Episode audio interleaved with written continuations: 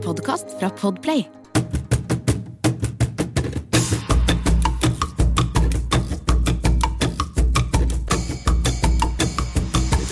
Hei og velkommen til Dødepodden. Podkasten som handler om livet med døden. Jeg heter Andreas Wiestad. Jeg heter Vibeke Wiestad. Jeg er arkeolog. Jeg elsker død og begravelse. Og sammen så bor vi i et hus midt i en gravlund i Oslo. Når vi ser ut av vinduet om morgenen, så ser vi bare masse gravstøtter. De er overalt rundt oss, og det er kanskje en av grunnene til at vi er litt mer enn gjennomsnittlig interessert i nettopp død og begravelse. Dagens episode skal handle om hva som skjer når eh, gravene graves opp igjen, da lik ble big business. Ja, fordi eh, det finnes jo ulike typer gravrøvere, og, og, noen ganger så forbinder vi dem med de som er ute etter eh, skattene som er, muligens er, eh, er begravet i, i, ulike graver. Men nå skal vi snakke om de som gravde opp graver rett og slett for å få tak i liket. Aller helst så ferskt og fint som så. mulig. Og så skal vi finne ut hva det har å gjøre med verdens eh, vondeste whisky. Jeg er jo blant de som syns at whisky er ganske vondt i utgangspunktet, men denne her er ekstra, ekstra ille. Det fins måter å gjøre det enda eklere. Tenk deg at du er i begravelsen til en du er glad i. Du står ved graven, ser kisten bli senket ned. Du er med på å helle den symbolske dosen med jord ned på kista, og du blir til og med stående igjen og ser at hele graven blir fylt, fylt igjen, før du da går hjem til sorgen din. Og så, neste morgen, så går du tilbake til graven, og det ser i og for seg ganske likt ut, men noe føles galt. Og så ser du et smykke som du har gitt til den avdøde, som ligger i jorda. Og det er da du skjønner hva som har skjedd. Det har vært gravrøvere der, likrøvere der, i nattens mulm og mørke. Og Vibeke, det her er en sann historie? Ja, dette er jo rett og slett en av veldig mange historier, faktisk, fra, fra 1800-tallets viktoriatid i USA, eh, og England særlig. Eh, akkurat den historien du refererer til, det var en eh, pen, anstendig dame, fru Elisabeth Joyner, som som etter eh, at hun hadde gravlagt da, sin niese, Jane, eh, gikk hjem, og så var hun til og med litt sånn urolig. Eh, så veldig dårlig den natten, og så gikk hun tilbake til kirkegården bare for å forsikre seg om at alt var i orden, og så kom hun altså til graven, og så ser hun dette krusifikset som hun selv hadde lagt rundt halsen på Jane før de la henne i kisten. og da viste det seg at graven var tom, noen hadde vært der, og halet Jane opp igjen ut av kisten Eh, for å selge liket. For å selge liket? Altså ah, Jeg tenker av alle ting man kan kjøpe, jeg tenker det å kjøpe et lik er noe av det minst attraktive. Hva, hva er bakgrunnen for, bakgrunnen for, dette her? Det, altså, dette var faktisk uh, big business, rett og slett. Uh, på 1800-tallet så var det jo uh, en ganske sånn rask utvikling i, i medisinfaget.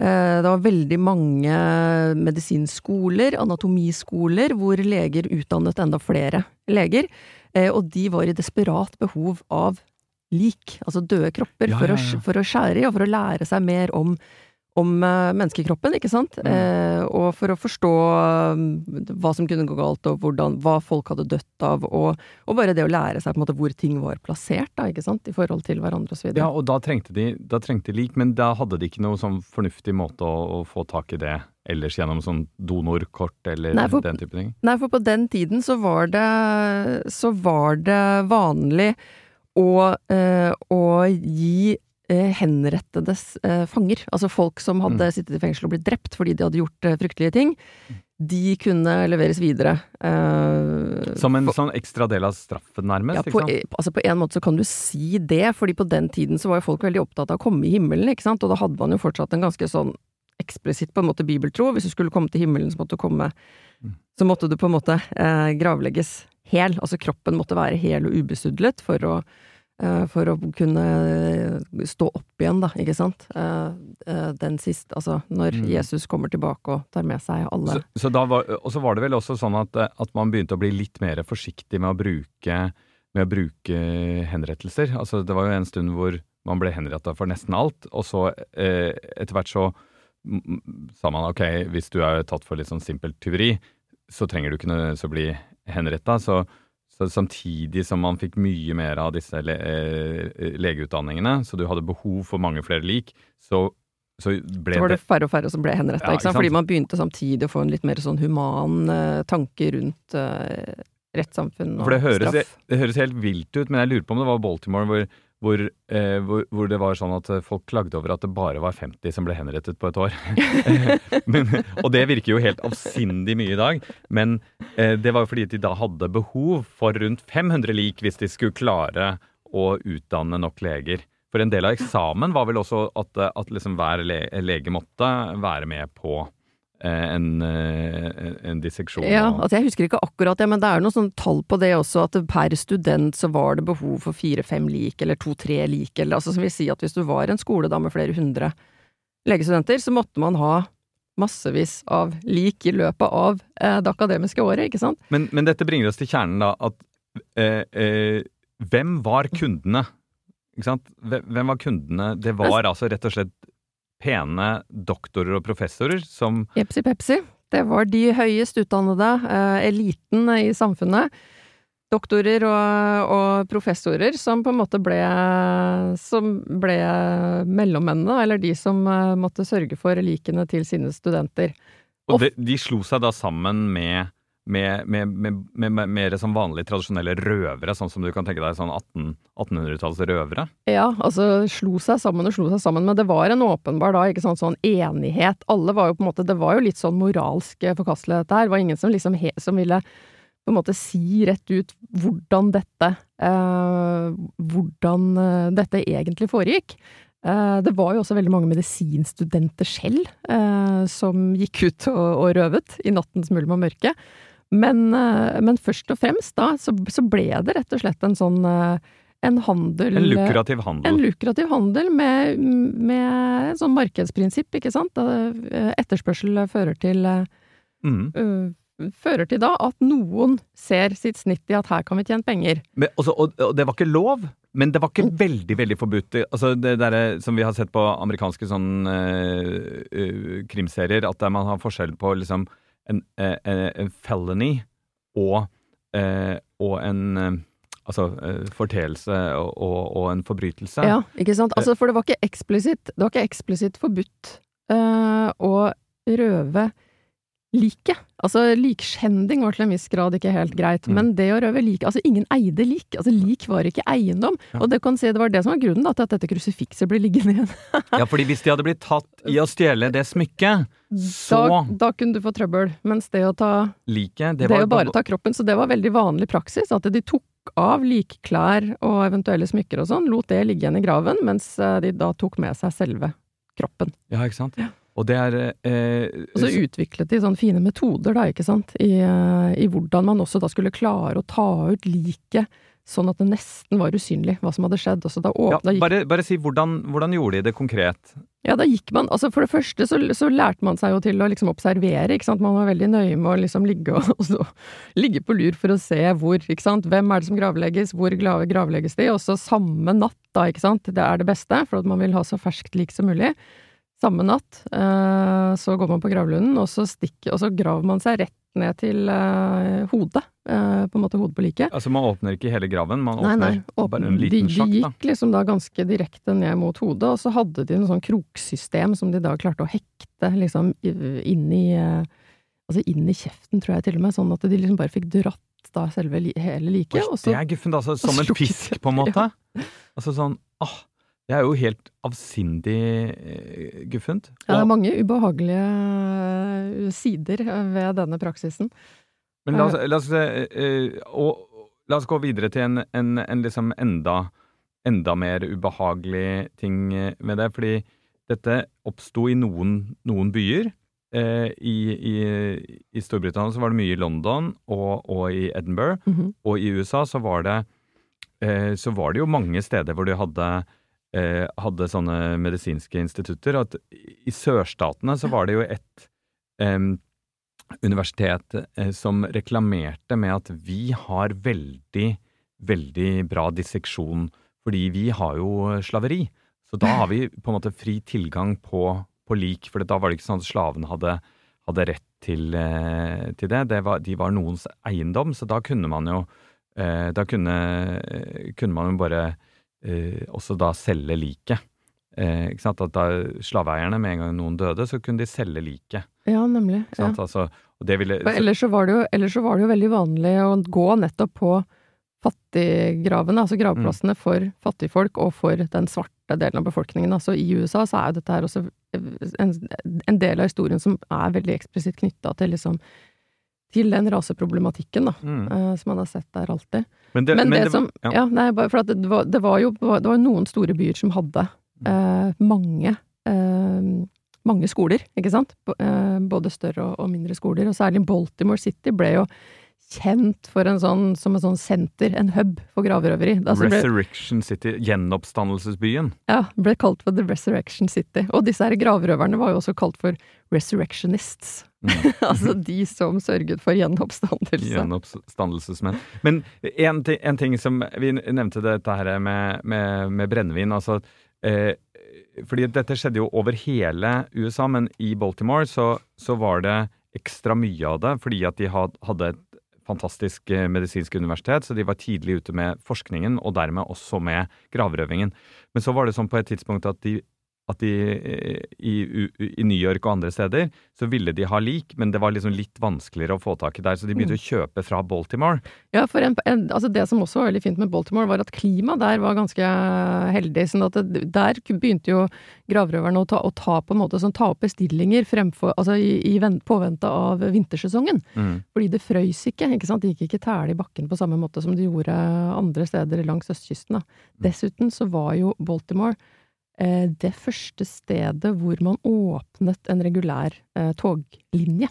Eh, sånn, at det, sånn at når man fikk den toglinja på plass da, i 1828, så kunne man jo begynne å frakte lik. Veldig enkelt, ikke sant? Opp til New York, for eksempel. Jeps, ja, Men- og men- selge lik, rett og slett. Med liksom, eksporten gikk da langs toglinja, eller med toget. Men dette var tiden før kjøleskap, og det er det, er det jeg vil eh, fram til. Hvordan klarte man å få lik fra Baltimore til New York?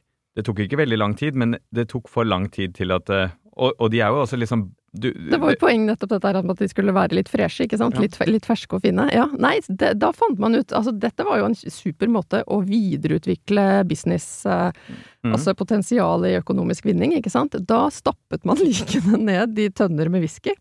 Tønner med whisky. Tønner med whisky. Mm. Eh, og så, når liket da var på plass, så kunne man jo selge whiskyen eh, videre. Og whisky som er så vondt fra før av. Og så Men da Og fikk egne navn, til og med, for dette er rot gut, kalte man den whiskyen. Oh, det, det var Og så det man serverte stiff drinks. Oh, Det er um, Stiff er jo et lik på engelsk, ja, sånn slang ja, det er eh, jo for helt sånn. Men, men hva syns folk om dette? Altså, jeg mener eh, Du snakket om den fortvilte tanta som kom til, til graven til eh, sin niese, og, og vi har på en måte vært eh, altså man, kan, jeg, jeg, man kan jo ikke gjøre annet enn å spøke litt av den derre whiskyen. Liksom den, den forferdelsen det møter. Men, men jeg mener det, Jeg tror ikke det gikk til de beste, de beste etablissementene, da, men de, kanskje de samme etablissementene som gravrøverne satt og drakk på. De Ikke drakk sant? jo veldig mye. Det er funnet dagbøker, eh, særlig i England, da, så er det funnet dagbøker fra gravrøverne som beskriver dagene sine. Men, men dette her er jo altså jeg, Mm. Det er det jeg prøver å komme fram til. Altså det, er, det, er, det er morsomt og makabert, på en måte, men det var jo også en sånn tragedie for folk. Altså hvis du var, hvis du var Det er klart det. Og dette var jo også, og det var jo på en måte så utbredt at eh, at det var jo en reell ikke sant? Det var jo derfor denne tanten gikk hjem og var urolig og hadde dårlig, altså, sov dårlig videre, fordi det var en reell sjanse, liksom, var en reell mulighet da, å få stjålet liket etter, eh, etter eh, noen av sine nærmeste. Det var jo helt forferdelig. Jeg leste Eh, om en kvinne i Philadelphia som, som var ganske fattig. Mannen hadde jobbet nede på havna. Han hadde dødd. Hun hadde klart å tigge til seg 22 dollar, som var masse penger på den tiden, til å ha en sånn ordentlig begravelse for han, sånn at han ikke bare havna i en fattiggrav. Så kom hun tilbake. Tom grav. Og så samtidig så ble de konfiskert noen, noen, noen noen lik, da. Eh, Og da gikk hun og kunne identifisere mannen sin, liksom, som var blitt eh, som var blitt, eh, Var blitt solgt, solgt ja. og var, var på vei inn til anatomi, eh, rett og slett. Ja. Men, men Nei, folk gjorde helt, eh, opptøyer, rett og slett? Ja, eh, det, det gikk jo faktisk til det. Altså, og det som er interessant også, for dette var jo som sagt vanlig da, særlig liksom fattiggravene som ble plyndra. Eh, men i USA, eh, allerede i 1788 faktisk, så kom det jo til et regelrett opprør. Eh, det var etter at det var en hvit kvinne, da. Mm. Typisk nok, kan du si, eh, som, eh, som var blitt eh, røvet, og som man også fant igjen, ikke sant. Man, og da samla folk seg og gikk i voldsomme protester. Opptil 5000 mennesker mener man var med på den demonstrasjonen. Og da gikk de jo rett og slett, dette var i New York, gikk de rett og slett til anatomi eller på universitetet hvor de underviste i anatomi eh, der, Mm. og så gikk de for å banke opp eh, leger og medisinstudenter, så de måtte flykte. Mm. Eh, Og ble da reddet av politimyndighetene, og så ble de låst inn for natten inne på fengselet for at ikke mobben skulle, skulle klare å ta dem. Men det var jo til, altså da var det, det var 20 som døde eh, under de opptøyene, Mm. og det var bare én av, Av mange. mange. sånne eh, opptøyer. Gjennom liksom 100 år så var det regelmessige opptøyer i USA for, fordi folk gikk altså, Ikke sant? For at dette her var jo noe som politi og på en måte øvrigheta, da. De, Mm. de vennet jo litt det blinde øyet til. Fordi det var jo en nødvendighet, ikke sant. Mm. Hvordan skal disse menneskene få, få utdannet seg så godt som mulig? Så, så alle på en måte Mm. la jo litt sånn halvveis til rette for som, at dette skulle det var fattigfolk som ble stjålet. Ja, ikke sant? Men eh, og, og det var liksom eh, de som eh, samfunnet støtter, som trengte dette her. Men jeg syns det var morsomt. Jeg leste den fantastiske medisinskolen i, i Baltimore, som Mhm. vi alle nå kjenner litt til, fordi det var de som hadde den første koronatrackingen, John Hopkins. De eh, de hadde faktisk bygd en egen tunnel inn til anatomi... Eh, Ja, eh, nei, ja, ja, du- ja du, du husker litt for, for John Hopkins kom jo litt eh, Det er egentlig litt seinere Det ble en skole på slutten av 1800-tallet. De var også beryktede for å grave røveriet sitt. Men Maryland University var liksom først ute med dette her. Og etter at de hadde hatt et sånt opprør, nemlig blant befolkningen, eh, i 1807 så bestemte de seg for å bygge en sånn av evakueringstunnel under skolen, sånn at leger og studenter skulle kunne komme seg raskt ut, hvis det skulle liksom komme, komme til det.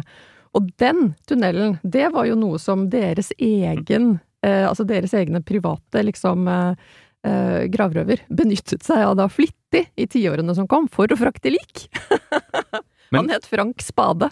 Spade, ja, Spade Frank. Eh, men dette, dette var en slags business, men det var jo også en, da, det var jo mange typer utviklinger i, i denne businessen ved at, eh, at man da eh, både på en måte leverte lik om å gjøre å ha dem ferskest mulig, så da var jo én på en måte innovasjon innen denne businessen var at man fraktet dem i whiskytønner med whisky, og solgte whiskyen videre og fikk dermed en slags sånn dobbeltbusiness. Men så var det jo i London eh, The Burke, The Burks som også utviklet eh, forretningsmodellen enda mer ved at de jo ikke bare gravde opp lik, men de begynte å, å drepe. Det, de, tok liksom, de tok det et skritt videre. Det er jo, I England så er det også noe av grunnen til at man klarte å få litt kontroll eh, på denne businessen etter hvert. Da. Altså, det, i, em, I Edinburgh så var det en som het William Burke, eh, og en som het eh, William Hare, og de var jo faktisk eh, Så vidt jeg har forstått, så var ikke de gravrøvere til å begynne med. Men han, eh, William Burke, han hadde et sånt lite etablissement hvor han, hvor han leide ut rom. Og en dag så fant han en av leieboerne sine som lå død i senga. Mm. Da tenkte han hm, ok, men jeg tar med han til, eh, til eh, medisinskolen, så får jeg noen slanter fra han. Eh, Og da var eh, professoren som tok imot dette liket, han var så fornøyd, han syntes det var så utrolig flott og ferskt lik, ikke sant, så han sa ja, men det, god kvalitet, kom gjerne tilbake hvis du skulle ha noe mer eh, å by på. Og da eh, fikk han da tydeligvis en idé, så slo han seg sammen med kompanjongen sin, og de ble rett og slett dømt for 17 mord. Eh, og det samme skjedde noen år seinere, i London. De ble stoppa eh, litt før, de fikk bare tre lik eh, på samvittigheten. Men det var eh, Ikke sant, der har du liksom den derre etterspørselen også, da. De fikk mer penger for eh, ferskere lik, eh, og Og så gikk de fra å være gravrøvere til helt sånn klassiske mordere, og det er jo på en Ja. måte utenfor, utenfor denne podkasten, der det er mange andre gode, gode podkaster. Men jeg, vil bare avslutningsvis i denne sekvensen spørre hva var det som skjedde med, med Burke? Burke ble da dømt eh, til døden, eh, som seg hør og bør, kanskje, Og hva skjedde med liket? og offentlig disseksjon. Han ble dissekert eh, offentlig som en del av straffen, og ikke minst, eh, de tok skinnet på ham, altså huden, eh, og brukte det til å binde inn en bok og en lommebok. Og det er et ord som vi skal lære oss eh, etterpå. Antropoped... Disk. Nei, antropodermisk bibliopedi. Bibliopedi. Åh, det var vanskelig.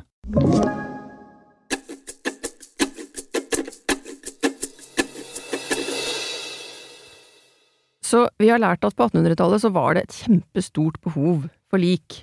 Hva er egentlig situasjonen i dag? Driver man fortsatt med, med likrøveri? Altså, jeg tror behovet for lik er, er, er, like, er like stort, kan man si. Men, men tilgangen er mye bedre, så det er, jo ikke, det jo ikke den type problem.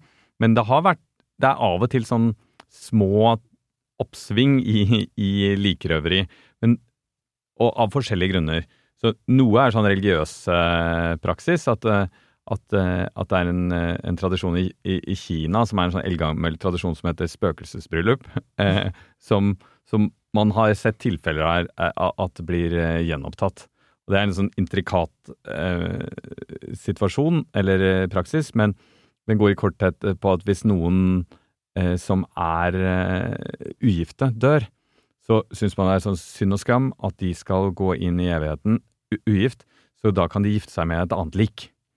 Og- Nemlig. Og da har man i noen tilfeller hatt sånn at man har, har drevet med gravrøving og gravd opp eh, lik som skal gifte seg med andre eh, lik. Eller så kan det være arrangerte ekteskap, så det blir jo en litt sånn annen ting. Så ikke direkte økonomisk vinning der, altså, Nei. men uh... Men, men så har det vært eh, Man har brukt likerøving mange ganger eh, i historien som en del av en sånn eh, politisk demonstrasjon.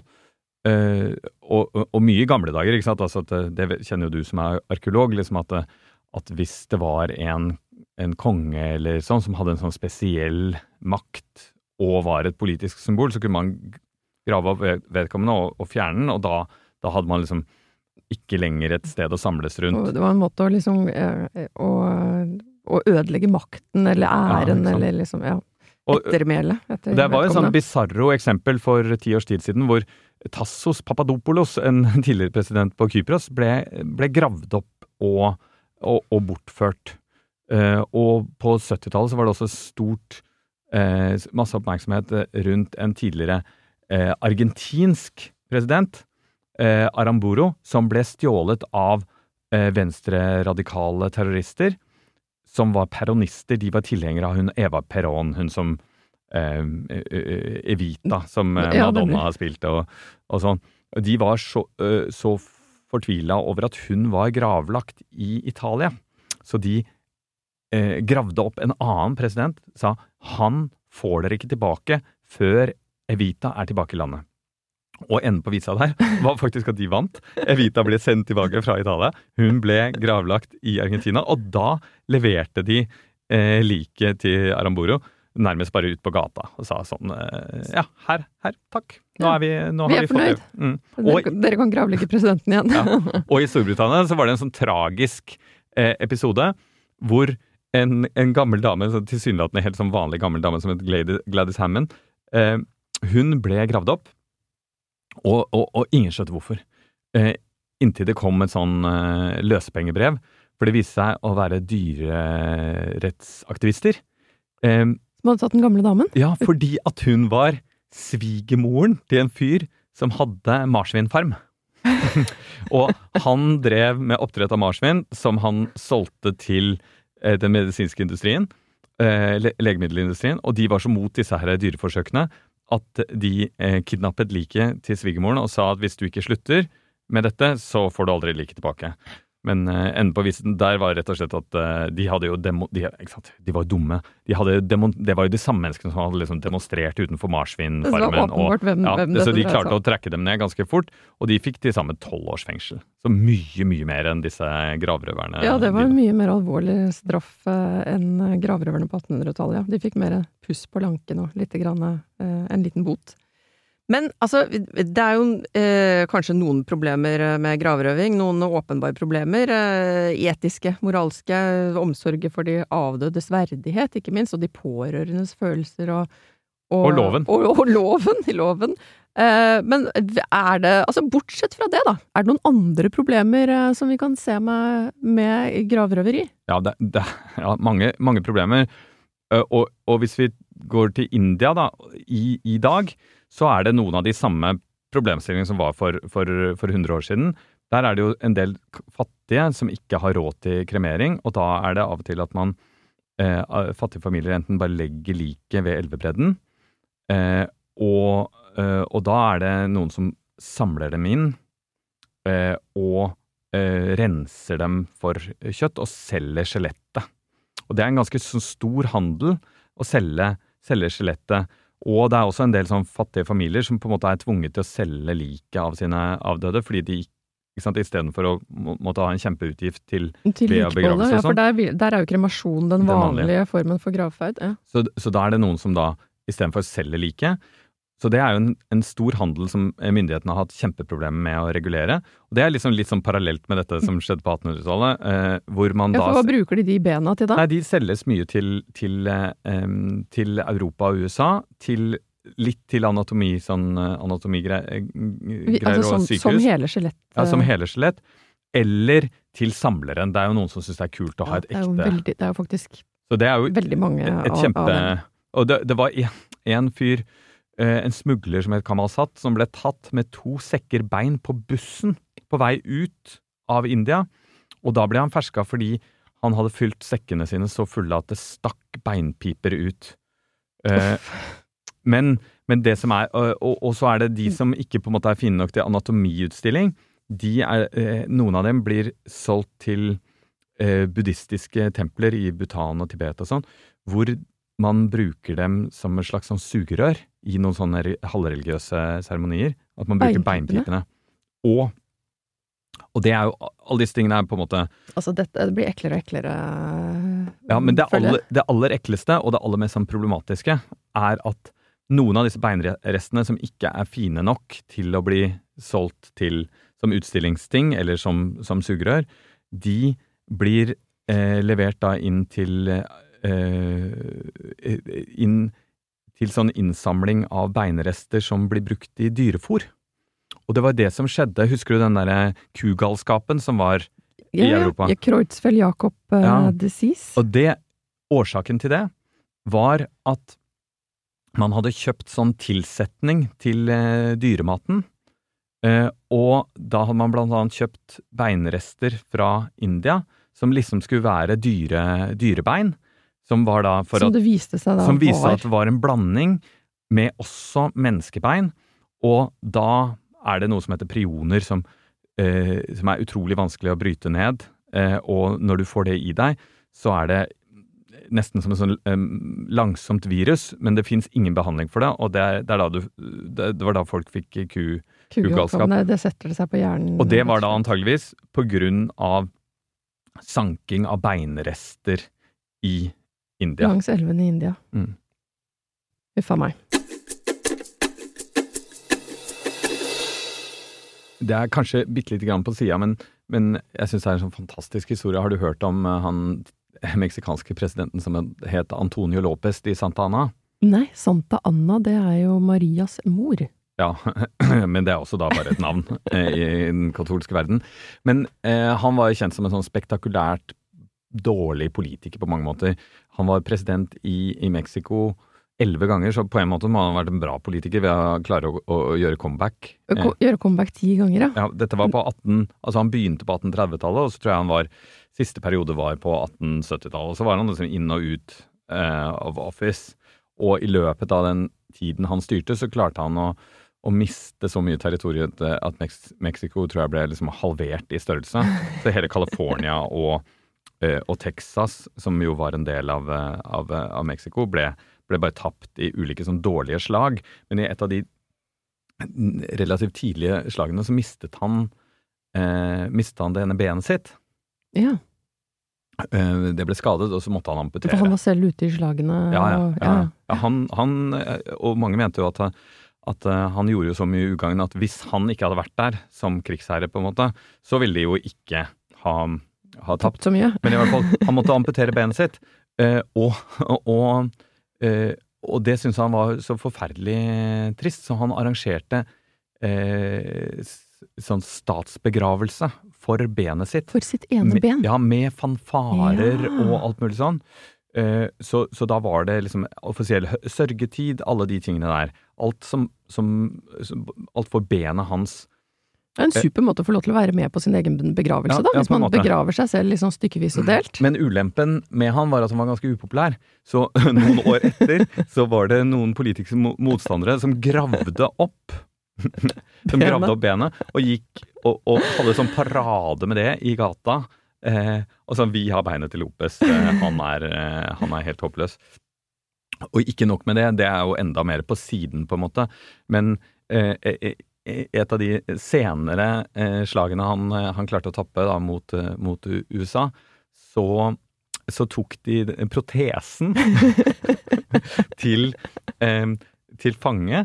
Så den er nå utstyrt på et museum. Så de tok protesen som krigsbytte? Ja, den er utstyrt mm. på et museum i Illinois. Og, og det er rettssak da mellom et, eh, eh, mellom eh, et museum i, i, i, Texas som mener å vil få det over, overlevert til Texas fordi det var et teksikansk blod som ble tapt i kampen mot denne forferdelige Nemlig. så de, vil, de krever krigsbytte, og Mexico har altså bedt om å få krigsbytte tilbake. Ja, ikke sant. Så en, en fantastisk, fantastisk. Men hva skjedde med selve benet, da? Hvor er det? Hvor havnet det i Ligger det også på et museum Nei, nå? Det, det ble gjen, gjenskapt og gjen, gjenbegravet. Okay. Ja, jeg anbefaler alle å lese om, om han Antonio Lopez de de Santana. Han er forresten også i en av de periodene hvor han ikke var eh, president. Så var han i langflyktighet i USA, og da tok han med seg tyggegummi tilbake til, til Mexico. altså så tidlig, så Han er den som er, også er kjent som in, eh, den Presidenten som, har, som introduserte tyggegummi til Mexico.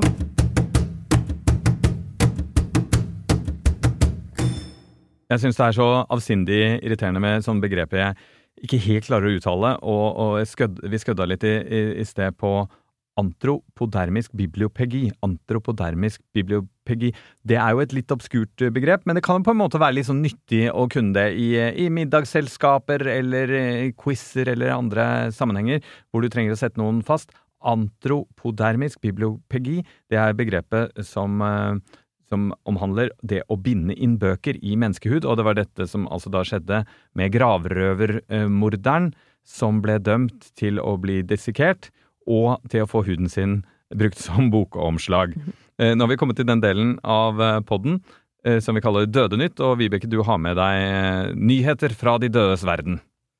Yes, det er fra Egypt i denne Dødenytt også. I april i år så så vi nemlig en kjempestor parade som gikk gjennom Kairos gater, og det var en parade i pomp og prakt hvor de fraktet 22 av de berømte mumiene, eh, landets berømte mumier, i sarkofager, spesialbygde sarkofager, på spesialbygde kjøretøy.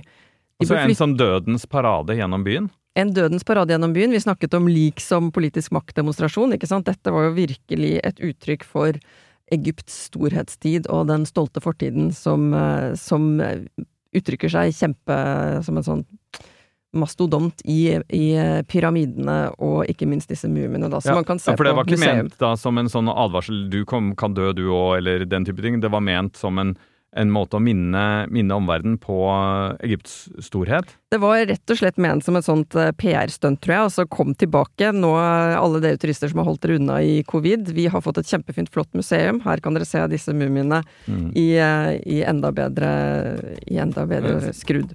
Ja, så når, eh, når, vi kan reise igjen, så kan man dra til Kairo og, og besøke det nye museet som heter Det er Nasjonalmuseet for egyptisk sivilisasjon. Det var alt vi hadde denne uka. Hvis du liker det du hører, trykk abonner. Hold dere i live, folkens. Vi høres neste uke. Du har hørt en podkast fra Podplay. En enklere måte å høre podkast på. Last ned appen Podplay, eller se podplay.no.